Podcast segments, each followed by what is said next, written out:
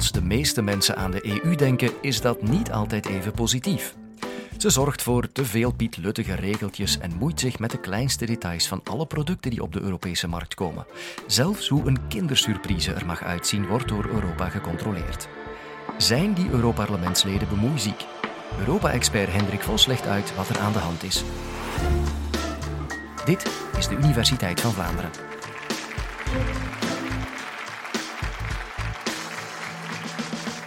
Dat lijkt heel bizar, hè? maar dat is echt Europees vastgelegd, hoe dat een kindersurprise-ei er moet uitzien. Uh, dat ligt vast in de Europese wet, hoe groot dat, dat binnen-ei, waar dat, dat speelgoedje in zit, ik heb er zo een bij, hoe, hoe, groot dat, dat precies moet zijn, dat is Europees gereglementeerd. En ook voor wie dat, dat af en toe uh, nog zou eten, zal het u zijn opgevallen dat er daar een paar jaar geleden iets aan veranderd is aan die kindersurprise. Geen kenners? Ah ja, ja toch. Ja, voilà, kijk. Um, vroeger, als je dat wilde open doen, kon je die twee helften los van elkaar doen. En dat gaat nu niet meer. Daar zit nu een, een scharniertje tussen als je dat speelgoedje wil uithalen. Uh, maar, maar, je kan dat niet meer lostrekken van elkaar. Dat komt omdat dat bij een Europese wet zo is vastgelegd. Die kindersurprise ziet er overal hetzelfde uit, van het noorden van Finland tot de, de stranden van Ibiza. Ik herinner mij, in het Europees Parlement is daar op een bepaald moment dagen na elkaar urenlang over gedebatteerd. De Raad van Ministers heeft daarover gebogen. dat is een heel thema geweest. En je hebt zo eigenlijk nog wel wat van die, op het eerste gezicht, ja, pietluttige dingen die Europees geregeld, gereglementeerd zijn. Eigenlijk heel veel. Ik zal, zal een paar voorbeelden geven. Op een, uh, op een pakje sigaretten staat in van die hele grote dikke letters dat je doodgaat van te veel te roken of dat je een, uh, een langzame, pijnlijke dood zal sterven als je te veel rookt. Dat is Europese regelgeving. Als je een pakje sigaretten koopt in Griekenland, in uh, Bulgarije, in uh, Litouwen of in Nederland, dan zal je merken dat daar exact dezelfde boodschap op staat. Zelfs de dikte van het kadertje waar dat die gezondheidswaarschuwing in staat, meet dat na, dat is 3,5 mm. Dat is Europees zo vastgelegd. Uh, er is een Europese wet die zegt dat de, de, de, de ruitenwisser van een tractor per minuut minstens 20 keer over en weer moet gaan. Europees vastgelegd. Als je een tractor gaat bezoeken in uh, Denemarken, in Frankrijk, in Oostenrijk of in Slovenië, dan zal je merken dat de ruitenwisser van die tractor per minuut minstens 20 keer over en weer gaat. Er zijn uh, super gedetailleerde Europese wetten in verband met dierenwelzijn. Hoeveel plaats een kip moet hebben in een kippenkooi op een uh, ja, kippenboerderij, dat ligt tot op de vierkante centimeter vast in Europese wetgeving. Omdat Europa heeft vastgesteld, in het kader van het, uh, het welzijn van de kip in dit geval, dat als een kip als die te weinig plaats heeft, dan wordt die ja, verdrietig. En dus heeft Europa wetgeving gemaakt die zegt van een kip moet minstens zoveel plaats hebben. Ook bijvoorbeeld legbatterijen, wat wij vroeger hier in Vlaanderen ook nog veel hadden, ehm, waar dat kippen zo in hele kleine kooitjes zitten, amper kunnen bewegen, alleen kunnen eh, ja, pieken en, en, en leggen. Legbatterijen vind je vandaag nergens meer in de Europese Unie. Um, er werd een tijdje geleden een studie bekendgemaakt waaruit bleek dat varkens dat die, um, depressief worden als die geen soortgenoten zien. Varkens die, die willen andere varkens zien. Het zijn sociale dieren. Dat is een beetje zoals mensen. En toen die studie bekendgemaakt werd, heeft Europa een wet gemaakt die zegt dat als je ergens in de Europese Unie een varkensboerderij hebt, dan moet je ervoor zorgen dat die zodanig is ingericht dat, en ik citeer nu letterlijk uit die verordening, elk varken zicht moet hebben op tenminste één ander varken. Europees zo gereglementeerd. Als je varkensboerderijen gaat bezoeken in Denemarken, in Litouwen of in Bulgarije, dan zal je merken dat elk varken daar zicht heeft op tenminste één ander varken. Omdat dat Europees zo vastgelegd is. Maar je merkt dat Europa ja, op allerlei vlakken dingen heel gedetailleerd is gaan regelen, reglementeren, voorschrijven. Bijvoorbeeld die, die, die, die teddybeer. Uh, bij Europese wet ligt vast uh, hoe sterk het koordje moet zijn waarmee dat de ogen vastzitten in, in de kop van die teddybeer. Uh, en, en, dus ook die kindersurprise. Allemaal Europees gereglementeerd. En als je dat zegt aan mensen, zo van Europa is bezig met het reglementeren van al dit soort dingen, wordt allemaal geharmoniseerd ook, dan zeggen mensen van Europa is een soort treitermachine geworden. Een, regelneef die alles maar tot in de kleinste details voorschrijft. Hebben die mensen daar in Brussel, in Straatsburg, geen belangrijkere dingen te doen? Moet er daar geen eurocrisis worden opgelost? Moeten die vluchtelingen niet uh, op een of andere manier uh, in goede banen geleid worden? Moet het terrorisme niet worden aangepakt? Enfin, dat klopt natuurlijk wel. Er zijn belangrijkere dingen uh, te doen, maar er is ook wel een reden waarom dat Europa zich met die op het eerste gezicht nogal kleine, pietluttige dingen is gaan bezighouden. En het heeft eigenlijk te maken met wat ja, zo'n beetje de, de essentie, de, zou je dat zeggen, de, de, de core business van de Europese integratie is. De Europese Unie van bij het begin heeft eigenlijk altijd de ambitie gehad, het plan om van Europa één grote markt te maken. Eén gebied waarbij dat de slagbomen, de barrières, de obstakels tussen de lidstaten kunnen verdwijnen ehm, en waarbij dat je als het ware één grote supermarkt gaat krijgen, waarbij dan mensen makkelijk kunnen reizen, waarbij je makkelijk kan gaan winkelen, ook in andere lidstaten, waardoor je ja, meer keuzevrijheid hebt als consument, ehm, dat je ziet dat bedrijven zich overal kunnen gaan vestigen, overal afdelingen kunnen openen, overal hun producten ook kunnen uh, verkopen enzovoort.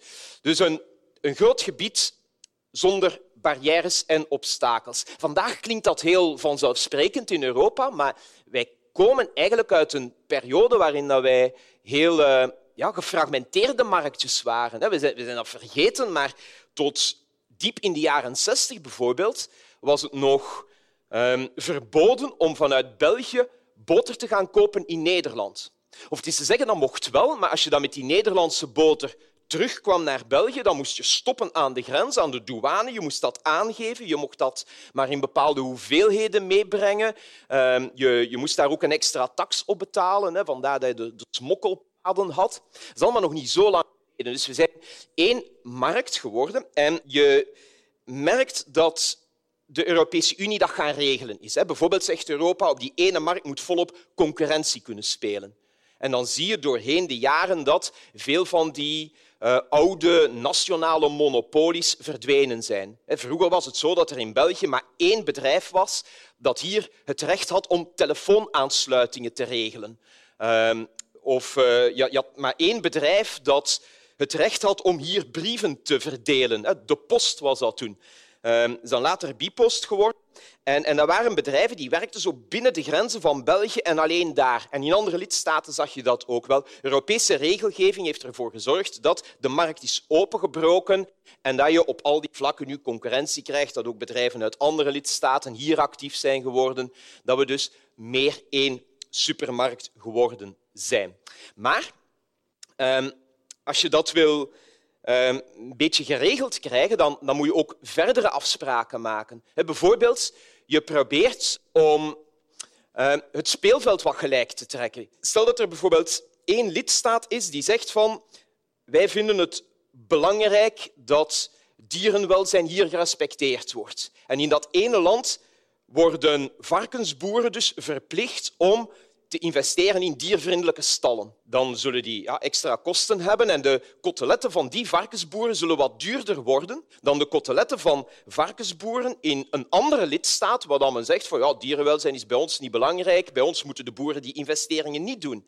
Maar ja, we zijn één markt, dus dan gaan consumenten de meeste consumenten wellicht toch kiezen voor de goedkope koteletten. En die varkensboeren die op de ene markt dan uh, geïnvesteerd hebben in dierenwelzijn, die zullen gewoon worden weggespeeld, die zullen worden weggeconcureerd. Met andere woorden, als je bekommerd bent om dierenwelzijn, dan moet je proberen om dat in een Europese regel te organiseren en ervoor te zorgen dat iedereen tegelijk moet oversteken. En dat we dus op die manier het speelveld gelijk trekken. En dus zie je dat Europa heel veel regels gemaakt heeft om het speelveld op die ene markt uh, zo gelijk mogelijk te, te houden.